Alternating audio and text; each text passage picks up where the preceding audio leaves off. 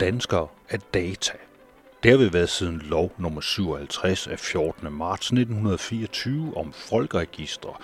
De folkeregister, der i 1968 blev til CPR-nummer, et 10 tal, der gør hver enkelt af os unik, og dermed også til en del af statistikker og folkeundersøgelser og verdenskendt forskning i en helt unik og registrerbar befolkning.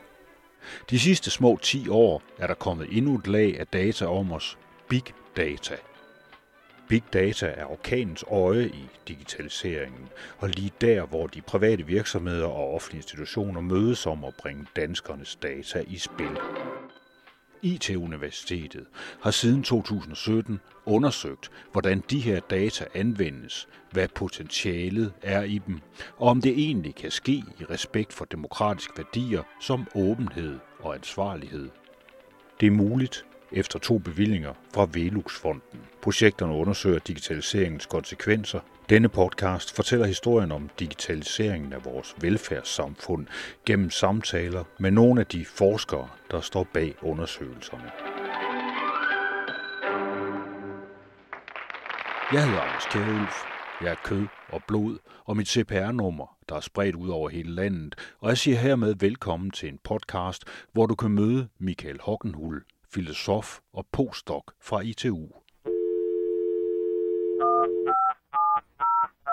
Jeg hedder Michael Hockenhul, og jeg er ansat som postdoc øh, på IT-universitetet, efter at have afleveret min øh, phd afhandling i juli i år. Og jeg går og venter på at skulle forsvare den, faktisk. Så det, jeg laver lige nu, det er, at jeg underviser to fag, og øh, ja, samler op på de ting, der ligesom var med min phd afhandling Nogle artikler, der skal redigeres og sendes ind og så videre. Du siger, at dit projekt det handler om offentlige private samarbejder. Mm. Øh, hvordan kan du beskrive, hvad er det for et landskab, vi kigger ind i der, som, hvordan fungerer det?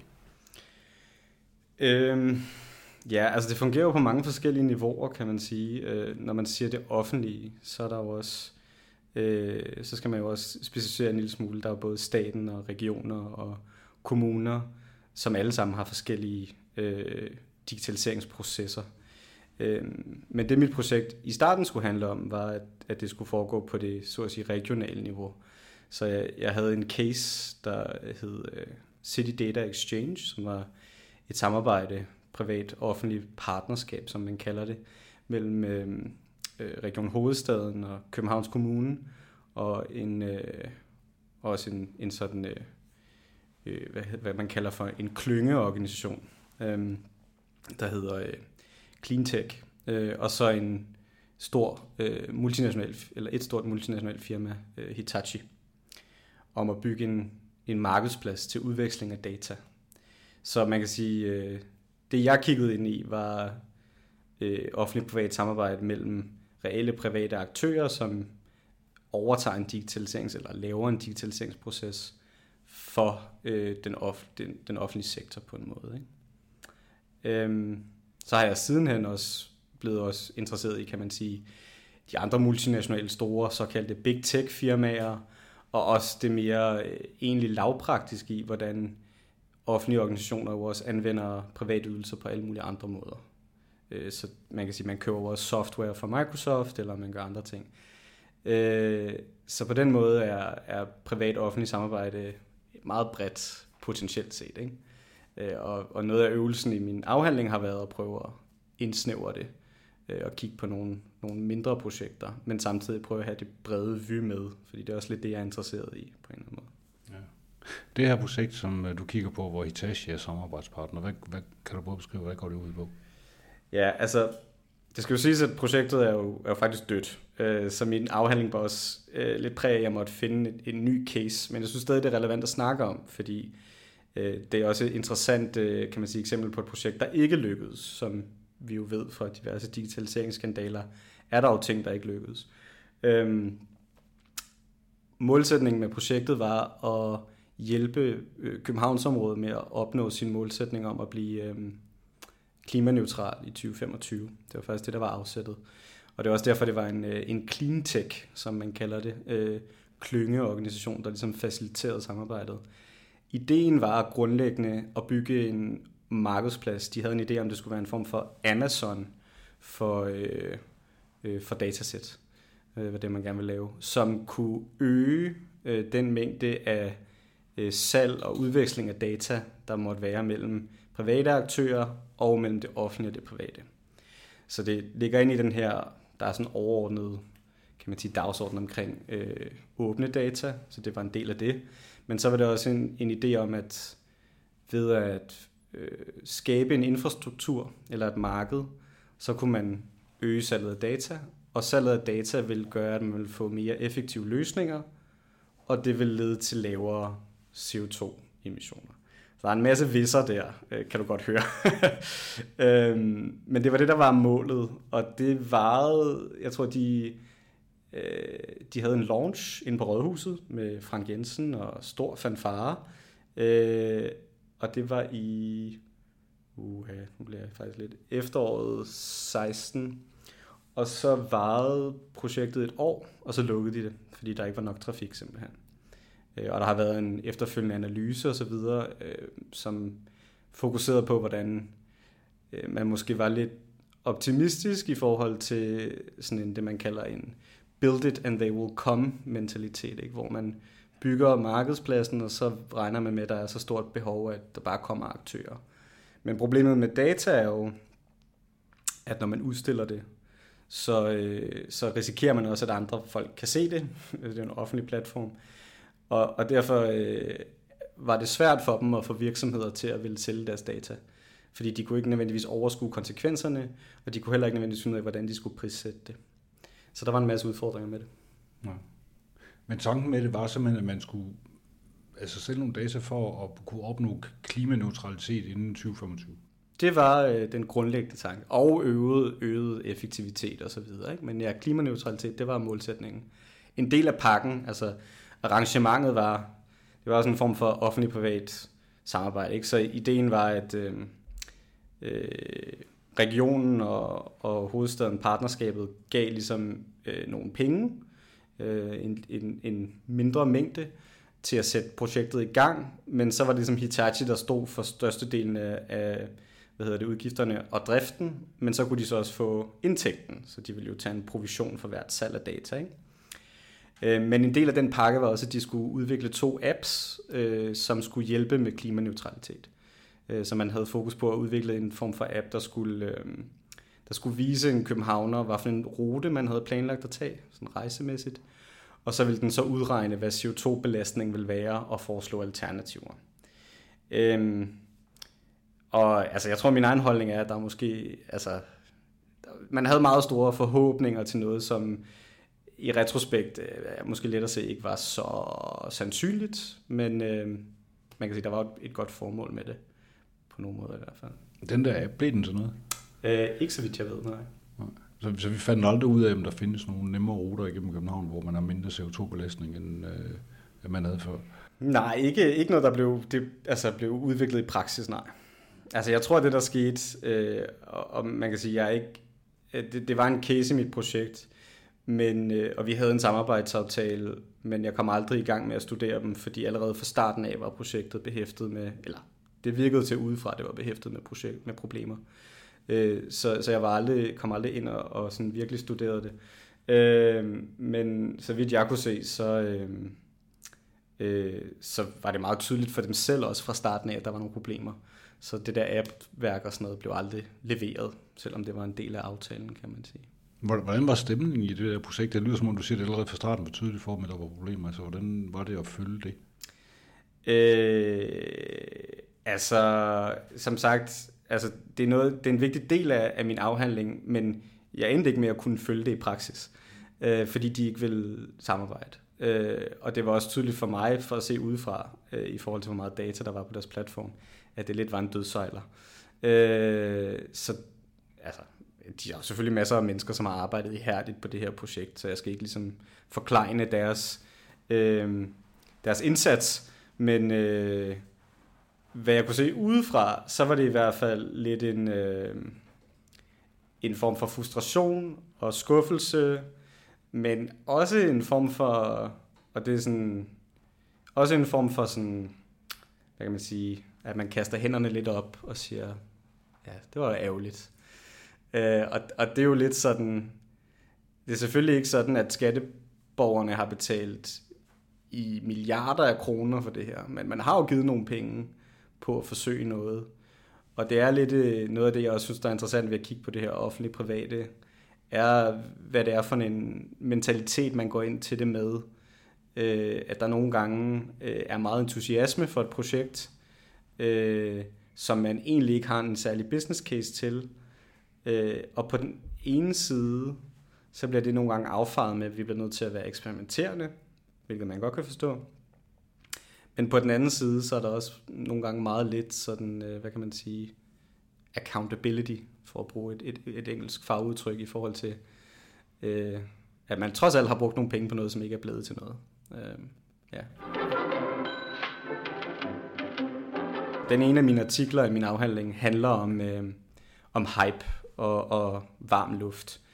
Øh, fordi det, der skete for mig, var, at efter det her projekt faldt igennem, så begyndte jeg at lede efter en ny case at følge. Øh, og jeg begyndte at tage til mange øh, tech-konferencer, workshops øh, og events ud af, til at starte med sådan pragmatisk interesse i at finde en ny case. Men efter et stykke tid blev jeg ret fascineret af den her optimisme, øh, cyberoptimisme, som nogen kalder det, ikke? eller digitaliseringsvanvid, kunne man også fristes til at sige. Øh, så derfor blev jeg meget interesseret i, hvordan den her hype, den ligesom øh, florerer meget sådan nogle steder. Du kalder det digitaliseringsvandvid, hype. Altså det her mm. med, hvordan, øh, når, når du kommer så til de her forskellige konferencer, du har været på for at lede efter den her case, og så finder du den her begejstring. Er der nogle, hvad skal man sige, nogle fællestræk, øh, som, som finder sted hver gang, du tager det sådan en konference?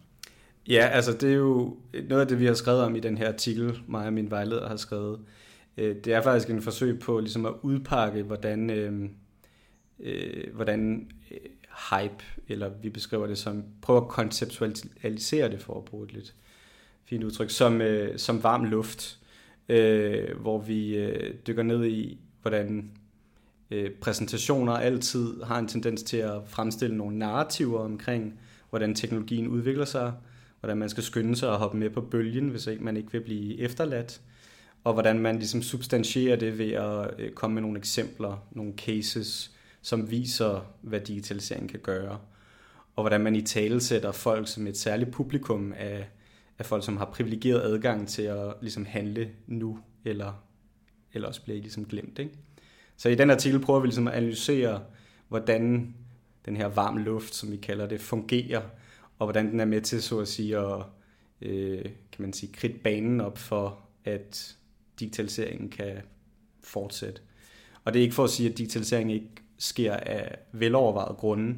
Det er for at påpege, at der også er det her element af øh, varm luft, som ligesom kører processerne fremad på en måde.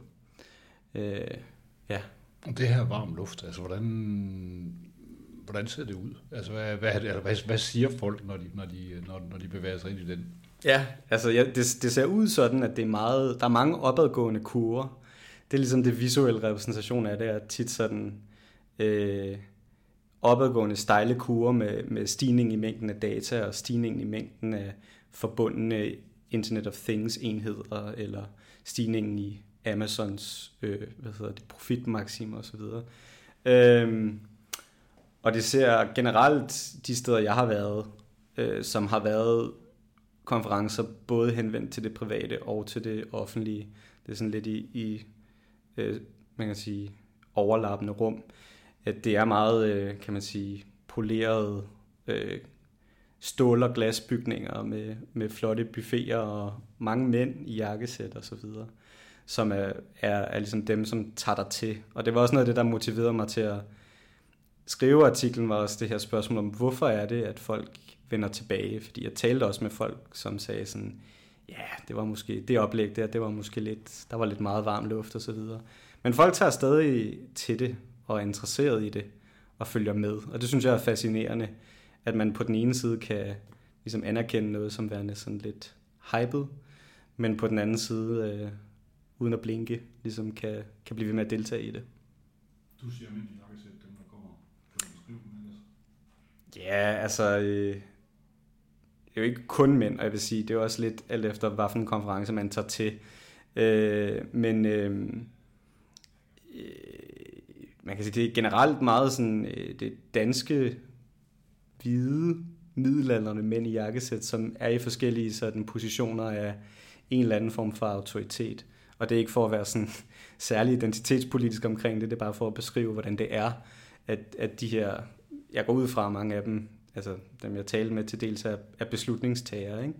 Som, øh, øh, som deltager i det her, og hvor der også udspiller sig øh, en form for, altså det er også netværksevents, hvor folk tager hen, og øh, der er ligesom en følelse af, at folk tager afsted for at være med på beatet på en måde, ikke?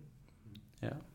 Kan man sige, der ligesom, der, der ligesom også i en periode har været, eller er det din oplevelse, at der i en periode har været, skal man sige, sådan mode i det her? Altså at det har været moderne og, og digitalisere og være med til de her ting? Ja, og, og det er det jo i stort udfang stadigvæk. Undskyld. Øh, hvad hedder det? Ja, det er det stadigvæk. Øh, selvom det er interessant nu i forhold til, at vi er i en ny politisk virkelighed, hvor det, det virker til, at den siddende regering ikke er lige så interesseret i digitaliseringen, som den foregående var. Så det kan være, at det ændrer sig. Men øh, det var i hvert fald min fornemmelse, at det var meget populært. Øh, at der var ligesom der var mange deltagere til de her events, og der var også den måde, som folk blev adresseret på. Altså, jeg var til nogle events, hvor der var ministre, der deltog, eller øh, chefer fra øh, forskellige styrelser, øh, eller for lobbyorganisationer, som ligesom i tale sætte folk øh, derinde som et publikum, som var med til at bringe Danmark, og det, til dels var der den her nationaliserede fokus på, hvordan digitaliseringen var en kilde til fremtidig vækst, og dermed til at bevare velfærdsstaten på en eller anden måde. Og det var lidt alt efter, hvem det var, der holdt oplæggende, var der forskellige fokus på det, øhm, men jeg synes, der var sådan et gennemgående narrativ om, at øh, det her, det var det hotte, og det var ligesom det, der sørgede for, at øh, Danmark kunne blive ved med at være et, øh, et land i med velstand og øh, fremskridt. Vi skal redde Danmark med digitalisering. Grundlæggende, ja. ja. Når de sidder der, altså når I så tager på de her, de her forskellige konferencer, det, den her del med, du siger, at der plejer at være opadgående grafer, men jeg tænker også på, at der må være nogle, der er også nogle bestemte ord, som sandsynligvis går igen. Ja, selvfølgelig. Ja, øh, og det er også noget af det, som jeg, en anden ting, jeg blev meget fascineret af, var, øh, altså hvis man skal være lidt øh, kritisk, den her ordsalat, der nogle gange var af forskellige trends og modeord, som selvfølgelig big data, data, algoritmer, smart cities, blockchain, internet of things, selvkørende biler, øh, ja, hvad har vi? Agility, disruption, og så videre, ikke? Eksponentielt. Eksponentielt, ja.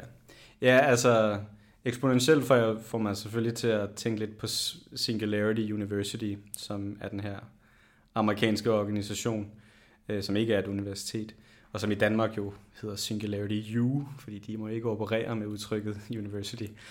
Øhm, øh, de, var ikke, de har været en del af mit feltarbejde, men de var ikke så meget en del af det.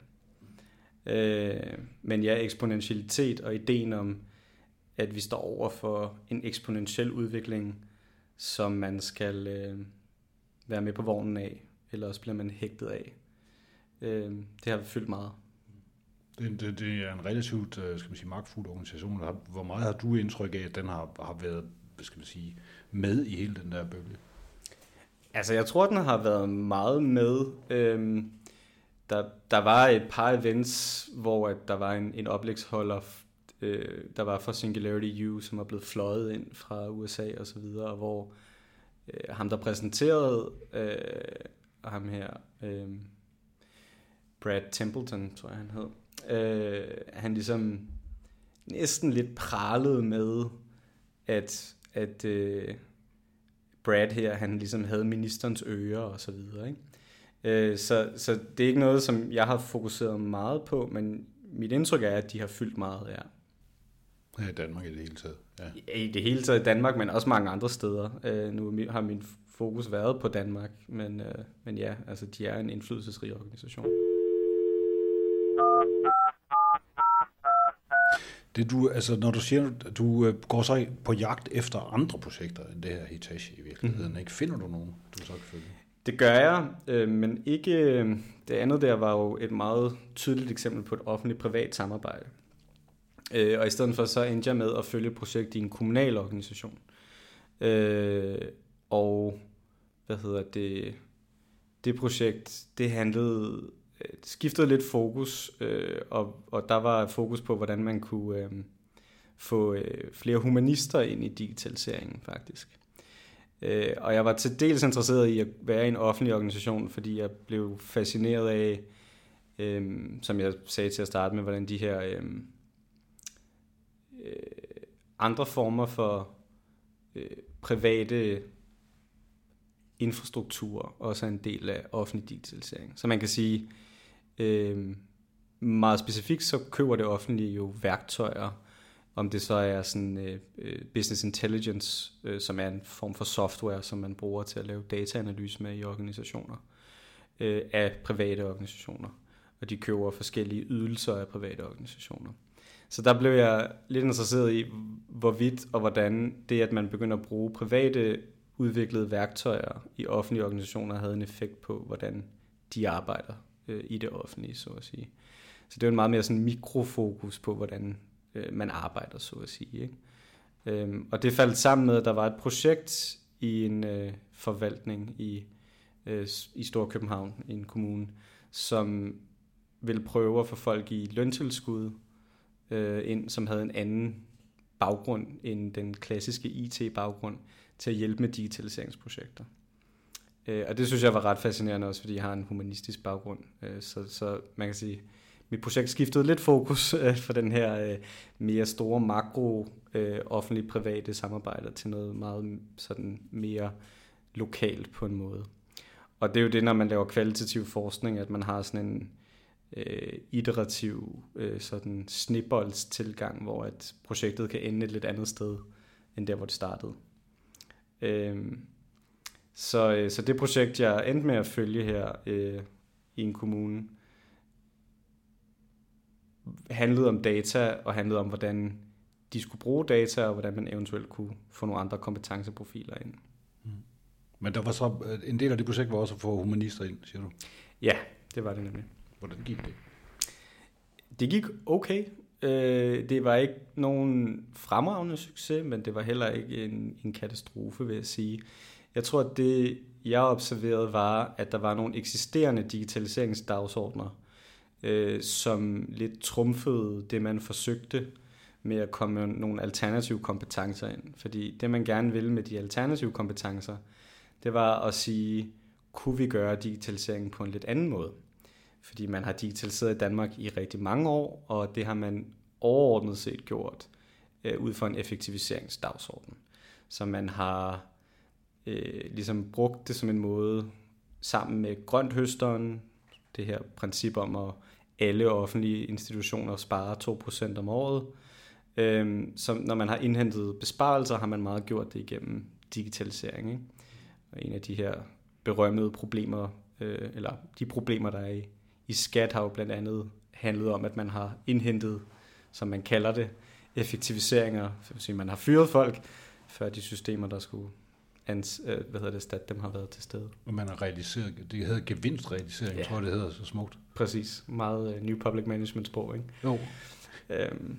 Der er jo en masse dagsordner, der kolliderer, mm. når man begynder at digitalisere, for du har New Public Management, du har effektivisering, og du har alt muligt andet, der kører, plus den her hype, som du har snakket om. Ja, præcis.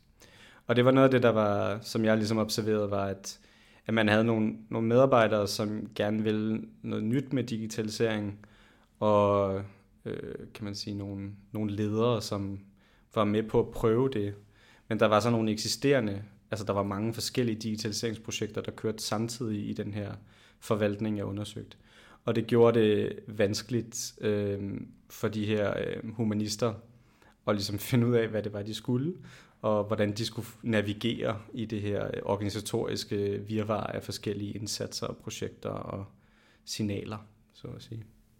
Du nævnte også tidligere det der med, at det, noget, et af dine andre fokuser, det, det er den her med, at man skal man sige, man, går ind og, man køber værktøjer af det private, mm. og det også påvirker, altså man, man har nogle problemer, man gerne vil have løst, mm. og så køber man nogle, nogle værktøjer af det private, mm. øh, som så skal passe ind i de her sammenhæng. Hvad giver det her snitflader eller brudsflader? Øhm, altså det er ikke noget, som bliver sådan problematiseret særlig meget i den danske kontekst. Jeg synes det er lidt interessant som lige en kort perspektivering, men øh, den, øh, så den socialdemokratiske præsident i Brasilien, øh, Lula da Silva, øh, på et tidspunkt udskiftede han alle IT-systemer i hele Brasiliens administration med Linux open source systemer. Ikke? Det har sikkert voldt en masse problemer, og det er lidt anekdotisk det her, men jeg synes det er interessant at sige, Øh, hvorfor er det, at øh, det offentlige Danmark for eksempel bruger utrolig mange penge på at hyre licenser til software fra virksomheder som Microsoft, og konsulentydelser fra diverse konsulenthuse. Ikke? Øhm, men, øhm, men det synes jeg bare er en interessant observation. Ikke? Øh, og, og det, altså noget af det, jeg bemærkede ved det, er for eksempel, når man så skal træne folk i de her data, eller i de her program, så træner man dem i, øh, med, med testdata, som er sådan designet til at skulle repræsentere et supermarked et eller andet sted, som har noget inventar, det skal styre, eller så videre. Ikke? Og det er sådan en løsning, som man så prøver, som man køber hjem, og som man så prøver at rulle ud i hele organisationen, fordi man gerne vil være mere såkaldt datadreven. Øhm, og det er der jo nogle, igen, øh, umiddelbart noble intentioner om, at man gerne vil effektivisere og blive bedre, øh, og spare penge for skatteborgerne. Men det falder jo så sammen med en, øh, øh, med en dagsorden, hvor man kan sige, man sparer tit de penge for at spare dem, uden at reinvestere dem i noget andet, eller uden nødvendigvis at understøtte det faktiske, kan man sige, øh, velfærdsarbejde, der foregår øh, af lokale medarbejdere. Og det tror jeg var en af de ting, jeg observerede, at, at man har en, en dagsorden centralt fra, om at vil udrulle nogle af de her softwarepakker, som man køber kommercielt.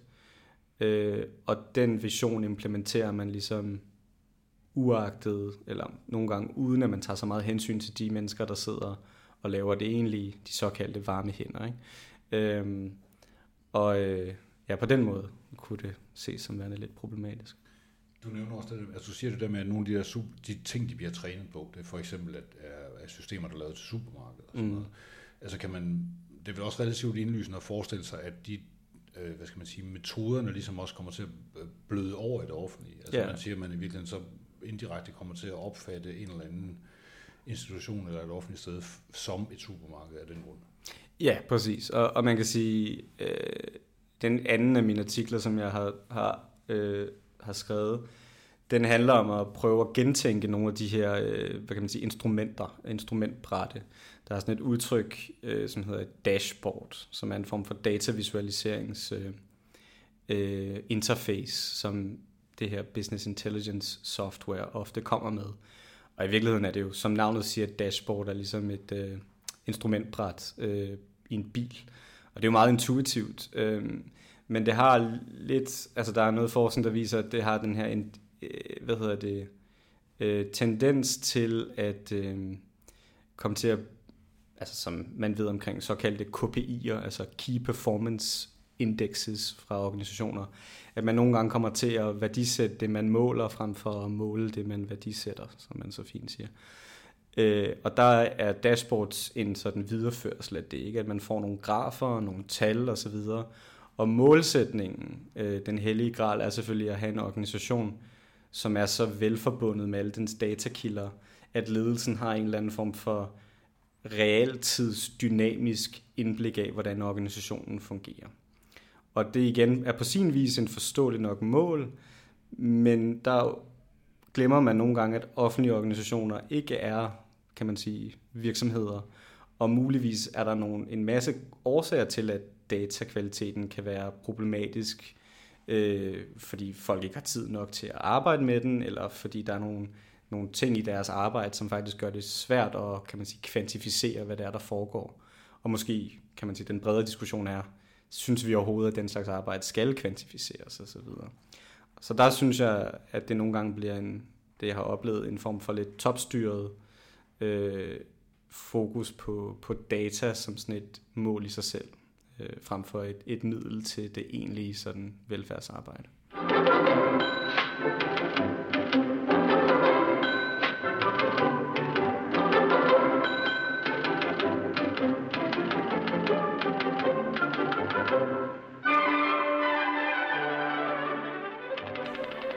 Når du snakker, altså netop det der med, at du siger, at, at man skifter virkelig. Vi har en offentlig sektor, som, som mener, de skal ind i det her på en eller anden måde. Øh, hvor stor en påvirkning, altså når du så har private virksomheder og private værktøjer, der skal ind, så, så sker der jo en vekselvirkning, som du også er inde på, siger, så, der, så begynder de at påvirke ind i det system, som ja. de i virkeligheden har med at gøre. Mm. Er det sådan, kan man sige, at når staten går ind i de her offentlige private partnerskaber, så gør de så egentlig ikke klart, at de faktisk er i gang med at ændre hele deres egen øh, struktur, eller hvordan? Jeg tror faktisk, øh, jeg vil være lidt øh, provokativ at sige, at det er faktisk ikke sådan, at de ikke ved det. Jeg tror, det er ret indbygget i den måde, den danske stat fungerer på, at der er et tæt sammenspil med mange af de her aktører. Øhm, det er ikke noget, som jeg har... Nu, nu, nu bevæger jeg mig lidt ud med, på noget, som er lidt mere meningsorienteret, øh, men jeg vil sige, mit indtryk er, at der er rigtig mange mennesker, som arbejder i konsulenthuse, som også kunne arbejde i styrelser eller ministerier, og at folk deler øh, opfattelser omkring visse ting. Der er selvfølgelig en klar forskel, altså embedsmænd er savlige og, øh, og har en vis forskel, øh, eller har selvfølgelig en, øh, en professionel øh, stolthed øh, og, og etisk opførsel, som de ligesom sætter i forvejen. Men der er også det her udtryk, der er en, øh, en amerikansk forfatter, øh, hvad hedder det, som hedder Jonathan eller David Foer, som har skrevet en bog, der hedder World Without Mind, der handler om big tech øh, i USA, hvor han, han beskriver det som en regulatory capture, altså øh, kan man sige overtagelse af det regulative apparat, når øh, lobbyister for Google og Facebook, når der er sådan en, øh, en svingdør mellem dem og de myndigheder, som skal regulere dem i USA. Og jeg siger ikke, det er det samme, og igen, øh, med forbehold for, at, at, øh, at jeg nødig vil anfægte de mennesker, der arbejder de her steder. Men jeg tror, der er en tendens til, at man i Danmark har fokus på, at ting skal være effektive, og man er pragmatisk, og derfor så søger man at arbejde tæt sammen med private virksomheder, også fra statens side, og aligner de ting, der foregår. Øh, på en måde, som man kan sige, hvis man havde lidt mere... Øh, øh, normativt holdning til, hvordan digitalisering skulle foregå, og for eksempel sagde, måske skulle vi udvikle vores eget, i stedet for at købe noget, så ville man måske synes, det var problematisk.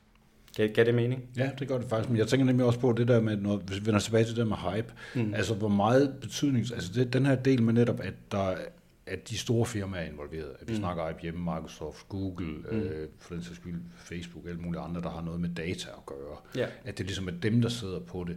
Hvor meget tror du, det betyder for, øh, hvad skal man sige, øh, for den danske stat? Altså er det, er det noget, hvor man sidder og tænker, når de er så dygtige og tjener så mange penge, så må det være det rigtige at gøre? Øh, ja, altså i, i stor udstrækning. Nu er det igen det her med, at vi er lidt i et øh, potentielt vadested i forhold til digitaliseringspolitikken. Altså man kan sige på den ene side, at digitaliseringen har de sidste 10 år ikke været, det har været rimelig apolitisk. Altså det har grundlæggende været sådan en teknokratisk øh, retning, og ingen af de store partier har ville noget særligt med det. En af konsensuserne i den sådan teknokratiske tilgang til det, har været, at digitaliseringen kan være med til at skabe vækst og at en af modellerne, man potentielt set skulle øh, gå efter, det er sådan big tech, ikke? Men det, der så også har vist sig som et alternativ, har jo så været hele diskursen omkring dataetik som et øh, konkurrenceparameter, som man kunne øh, skille sig ud på. Øh, og det er jo også noget af det, som i virkeligheden, øh, som vi også beskriver i det, den artikel om, om varm luft, øh, det er, at der også er sådan en, jeg har i hvert fald hørt en del mennesker sige, at der er helt klart noget omkring det der digitalisering, eller der er noget om det der øh, eksponentiel udvikling, men vi skal gøre det på med danske værdier, eller på danske præmisser. Så, så noget, vores argument er faktisk, at, at varm luft er også en mekanisme, som ligesom gør, at folk bliver begejstrede, men de bliver også skeptiske, fordi det bliver lidt for meget. Og så kan man sige, de, så overtager de noget af diskursen selv og siger sådan, vi skal gøre et eller andet i den her stil men det skal være på vores betingelser. Så der sker en form for oversættelse, øh, er mit argument, kan man sige, øh, fra noget, som måske er meget sådan big tech amerikansk, til noget, som er sådan, man kunne kalde for digitalisering med danske værdier, er noget af det, der foregår. Ja. Men den her digitalisering, men i virkeligheden er det det samme. Altså man gør det samme indeni, men pakker det bare ind i noget, nogle andre ting. Altså, jeg ved ikke, om det er 100% det samme. Altså, der, jeg synes klart, der har været nogle, nogle tendenser til det. Øh, for eksempel øh, det her Google Success Online, og noget af det, som øh, Markus Bernsen har beskrevet i sit øh, journalistiske arbejde omkring øh, Googles indtog i skoler og sådan nogle ting, ikke? Øh, hvor, hvor man godt kan sige, okay, Big Tech kører den sædvanlige model. Men så er der, øh, synes jeg, de her andre succeser, man har haft i forhold til øh, Uber og Airbnb, hvor man har ligesom på visse måder formået at regulere noget af, af Big Tech. Ikke? Og på den måde synes jeg også, det sker i den lokale digitalisering, at man er meget bevidst omkring, at, at der er meget hype omkring det her, og man prøver meget at tænke, hvordan tænker vi for eksempel mere medborgerskab ind i noget, eller deltagelse osv. Så, så jeg tror ikke, man kan sige 100%, at det bare er sådan, at Big Tech får lov til at gøre alting. Men hvad de præcise proportioner er, altså jeg synes stadig, at der er klart behov for en, som man måske kan udlede af, hvad jeg har sagt, men behov for en, en kritisk sådan øh, nøgtern kig på, hvad det er, der foregår i digitalisering og big tech. Den periode, du ligesom har beskæftiget dig med i forbindelse med dit arbejde, den har vel også så netop, skal man sige, været en, altså sådan en, øh, opstartsperiode for digitalisering, eller noget, hvor der, hvor der er utrolig mange nye ting i luften, altså mm. en overgangsperiode, kan man sige. Har vi konsolideret os nu, eller så er der kommet mere styr på det? Ja, altså jeg tror, hvis man kigger særligt på, på offentlig digitalisering, så har man konsolideret nogle af de her, der har været de her store sådan, milepæle i forhold til at få, altså det er selvfølgelig lidt tid siden, men altså at man fik obligatorisk e-boks og så videre. Jeg tror, der er en masse offentlige projekter, som er kommet lidt mere i mål, og hvor man så nu spejder efter nogle ting, som er sådan mere på grænsen af, hvad vi måske også har lyst til at have. Jeg tænker på sådan noget som øh, brugen af machine learning eller algoritmer til at optimisere og automatisere ting. Øh, og det gør man selvfølgelig i forskellige kapacitet, øh, men øh, Ja, jeg ved ikke. Var det, Nå, det, det, kan det, det mening? Det, det, ved jeg ikke, om det var noget særligt klart spørgsmål, jeg stillede. Så, nej, nej, du, må gerne, du må gerne stille det igen. Jeg er ikke, jeg er ikke sikker på, at jeg er helt... Uh... Nå, men jeg tænker bare på, at altså, vi har, kan man sige, at den periode, du beskæftiger dig med, det, det har været en ret, hvad skal man sige, forvirret periode mm. for, for altså, hvor, hvor alle folk ligesom skulle finde deres ben? Ja, altså man kan sige, på den globale scene, så har der været nogle store udviklinger i forhold til, til tech lashes og så videre. Altså mit projekt har ligesom kørt over de sidste tre et halvt år, og så for, foregående det sådan begyndt at kigge på det et halvt til et helt år for inden. Øhm, så der har ligesom sket de her store udviklinger i forhold til øh, Cambridge Analytica og diverse kritikpunkter. Og i den danske kontekst har man selvfølgelig etableringen af tech-ambassadøren i Silicon Valley, og jeg tror også, der er en generel sådan gryende øh, kritik eller skift øh, i holdningen til, til Big Tech. Men jeg synes så samtidig, hver gang vi har den diskussion, synes jeg, det er værd at påpege, at hver gang der sker en eller anden skandale, så er der en eller anden, der skriver en kronik, som siger, nu kommer det store techlash.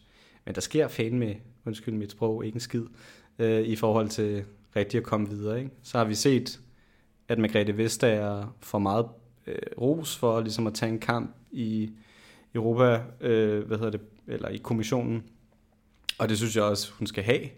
Men jeg synes også nogle gange, at man, øh, man, man overvurderer, hvad de kampe, hun tager, øh, repræsenterer i forhold til, hvor meget magt de her øh, store tech-organisationer har, og hvor meget digitaliseringen mere og mere fylder. Øh, og hvor jeg synes, at vi mangler nogle mere grundlæggende kritiske øh, tilgange til det. Ja. Altså, man kan også sige, at Margrethe Vestager, hun er jo heller ikke, altså hun har givet en masse bøder, men der er ikke nogen, der er blevet betalt endnu, så vidt jeg ved. Nej, det er det. For eksempel. Det er det, og, og man kan sige, altså, man, man opstiller det jo nogle gange som om, at du har på den ene side øh, den amerikanske, sådan, øh, det vilde vesten, og så det kinesiske øh, autoritære sådan digitaliseringstilgang, og så skal Europa være et eller andet sted i midten. Men altså, Margrethe Vestager har jo givet de bøder i hendes kapacitet af konkurrencekommissær, øh, men man har jo ikke ligesom, man går ikke videre end det, vel? Man bliver ved inden for de parametre, som ligesom hedder, at øh, man prøver at, at ramme virksomhederne på nogle måder, som lidt går ud over det, som der egentlig er behov for, som er en mere grundlæggende regulering og potentiel opsplitning, ikke? og beskatning. Øh. Ja, det prøver man også på. Det prøver man på. Det går heller ikke så godt. Nej, det er det. Ikke? Nej. Øh, så øh, ja, altså, jeg, jeg tror, du har ret i, at, at den sidste periode har været en form for sådan lidt forvirret opbrudsperiode, men den er ikke overstået, kan man sige. Der er ikke noget klart billede på, synes jeg, hvor vi er henne nu. Og jeg synes særligt i den danske kontekst er det netop interessant, at man har en, øhm, en regering, som det virker til, ikke er særlig interesseret i digitalisering. Øh, og som, som jeg forstår det, ligesom bare lader tingene fortsætte, som de kører. Og det stiller store spørgsmål om, hvad kommer der så til at ske, øh, hvis der ikke er nogen politisk vision. Øh, man kan sige, at på den private side vil folk nok fortsætte ufortrødent, fordi det bliver set som et meget stort konkurrenceparameter, øh, og blive mere datadrevet og blive mere digitaliseret. Ikke? Det er egentlig interessant, hvor den kommer fra. Altså den der med, altså hvor den oprindelige, den der med, at vi, at alt er godt, når det er datadrevet, mm. nødvendigvis. Ikke? Mm. Altså helt datadrevet ledelse, og datadrevet det ene, og datadrevet det andet. Altså ja. det er jo det er sådan et underligt begreb, efter i mine termer i hvert fald. Ja, men altså det er jo, altså man kan sige, det taler sig jo ind i en meget lang tradition for sådan øh, såkaldt taylorisme, ikke? Med, med en form for idé om, at man, hvis man kan kvantificere og, øh, og opdele processer, så kan man styre dem bedre, og så kan man optimere dem. Ikke? Øh, også det, som øh, det, man har, hvad hedder det, evidensbaseret medicin var også øh, meget populært på et tidspunkt, som et sådan, øh, ikke at der er noget galt med evidensbaseret medicin, vel, men, men den her idé om, at, at, øh, at man skal have så meget evidens som muligt, øh, så er det det bedste. Ikke? Øh, og det er også noget, det har også fyldt øh, i min forskning, det her udtryk datadrevet. Øh, ja. Jeg tænker også på det der med, at du, altså, altså hele, altså hele ordene omkring det her, ikke? Altså alene ord, vi har jo et problem generelt med ordet digitalisering, altså det hele taget, ikke? Som, mm. som, altså, når du netop også nævner, der er utrolig meget hype om det, så hænger det vel også sammen med, at vi dybest set ikke har en ordentlig definition på, hvad det er, vi går og laver. Nej, og det er også noget af det, som jeg i min afhandling har sat lidt fokus på, eller det er jo sådan mere nørdet sådan forskningsperspektiv, men jeg mener, at, at det, vi har ikke nødvendigvis i forskningen et særligt godt sprog for at forstå digitaliseringen, fordi min afhandling har handlet om data.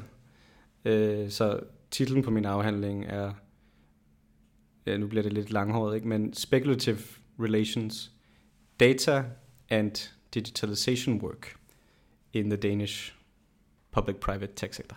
Ja, det, jeg tænker, at den blev lidt for lang, ikke? Men, øh, øh, men, men noget af det, jeg er interesseret i, og, og grunden til, at jeg nævner det, er fordi, øh, at jeg sætter fokus på data, var ligesom det objekt, jeg var interesseret i at studere.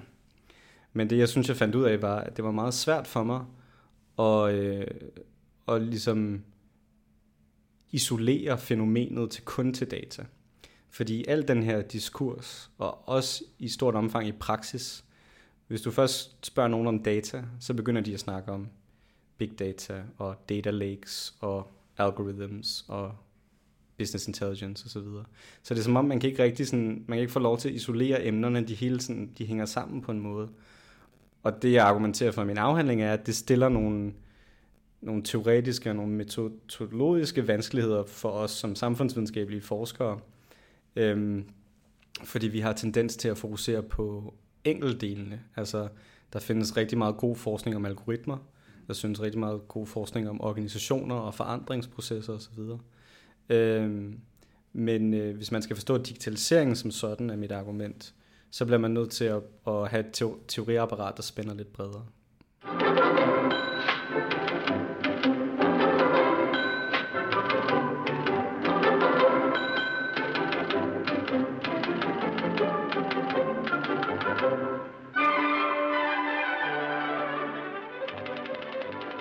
Jo sådan den, altså Smart Cities er på mange måder også den hellige grad i alt det her, ikke? Altså, mm. fordi det er der, det hele skal samles mm. i en stor by. Yeah. Ikke? Altså, Det er vel også der, du har, jeg vil tro, du har oplevet mest af det her hypervarme luft i virkeligheden. Det må man sige, ja. ja, det, altså, det er jo så også bundet op til det der, øh, hvad hedder det, City Data Exchange projekt, men, øh, men ja, altså, det, det er en meget interessant ting, at man ser de her slideshows, som er virkelig flotte og sådan computergenererede billeder af sådan nogle futuristiske byer og sådan noget. Og så snakker man med folk i praksis, og så handler det ligesom om, at de har sat nogle sensorer i nogle skraldespande, for at de skal blive hentet mere effektivt, ikke? eller mere ofte, eller når de kun, er, kun skal blive hentet, når de er fyldte, tror jeg, det er der pointen. Ikke? Øhm, og, og det, kan man, det er selvfølgelig lidt unfair, ligesom at grine folk øh, over det. Øh, men der er på en eller anden måde, at der er en meget lavpraktisk øh, måde, hvorpå det her arbejde foregår, som står meget i kontrast til de meget store narrativer. Og det er jo også fordi, at Smart City-diskursen er rigtig meget fyldt af virksomheder, som skal sælge noget.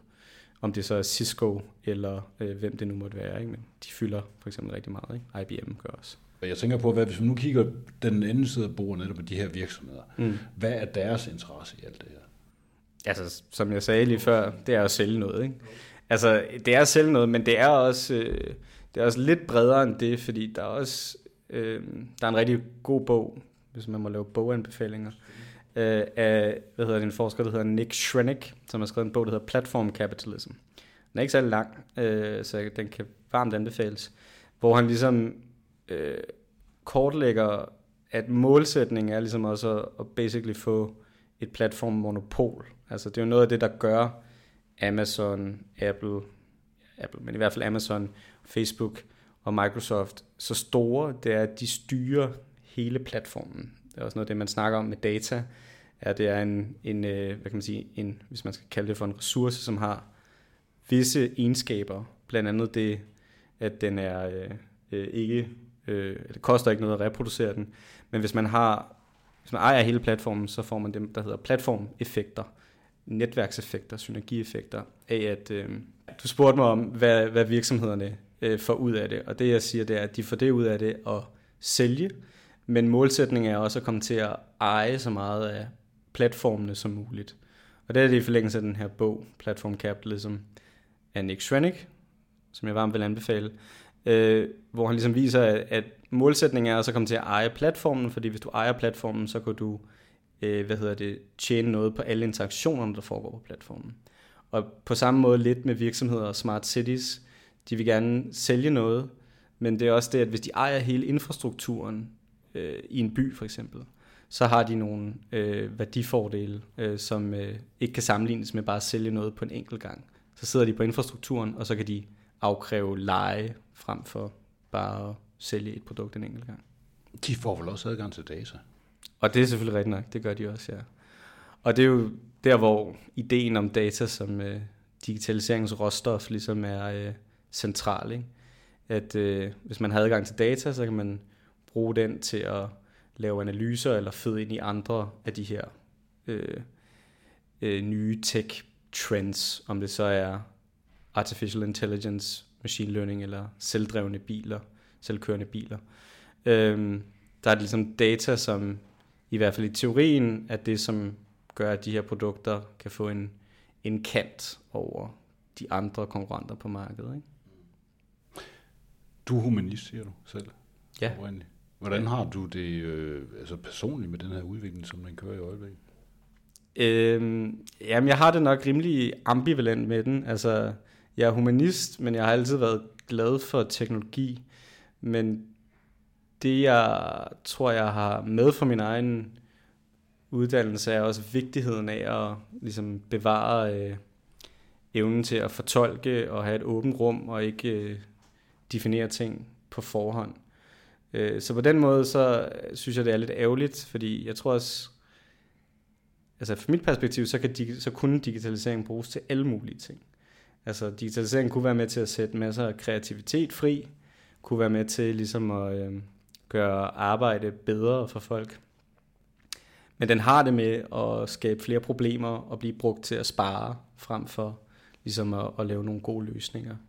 Ja, gode løsninger, men at ligesom skabe noget mere øh, velfærd eller værdi. Så på den måde synes jeg, det er lidt, øh, lidt ærgerligt. Og der tror jeg, at øh, det er også vigtigt, at humanister ligesom ikke er for bange for de her ting, og også går ind i diskussionen, debatten, og bidrager med deres perspektiver. Man kan sige, at det er måske altså, en af de metaforer, som man bruger hele tiden, og som, som du selv har oplevet under den her hype-fase, det er det der med, at vi, vi må ikke stå på stationen, fordi tog, ellers kører toget væk fra os, og måske er det det forkerte tog, vi er kommet til at hoppe på. Det kunne man sige, ja. Øh, det, det, det, det tror jeg er et meget godt billede på det. Øh, men jeg tror, ja, det forkerte tog. Hmm. Altså jeg tror, en, en af pointerne i min afhandling faktisk, og grunden til, at den hedder speculative relations, altså jeg har fokus på det spekulative, der ligger i, i digitalisering og i data. Øh, og det prøver jeg at sætte fokus på på forskellige måder. Og en af de måder, det er øh, den forskningstradition, som hedder, øh, eller tradition, den forskningsskole, man kalder for øh, spekulativ design, hvor man prøver at bruge øh, design til at gå ind og tænke øh, fremtiden anderledes. Så i stedet for at bare lave en flot stol eller en funktionel øh, brugerrejse, så, så, så overvejer man, hvordan kunne vi tænke frem, samfundet helt anderledes. Og der prøver jeg at tage den litteratur og sige, folk spekulerer meget i data, men måske kunne vi prøve at åbne op for, at de her spekulationer kunne gå i en anden retning. Så Øh, hvis man siger, at vi hoppede på et forkert tog, så tror jeg, øh, det eneste, jeg vil anfægte over, det er, at det kan give en indtryk af, at man ikke kan komme af det, eller at vi ikke kan køre det et andet sted hen.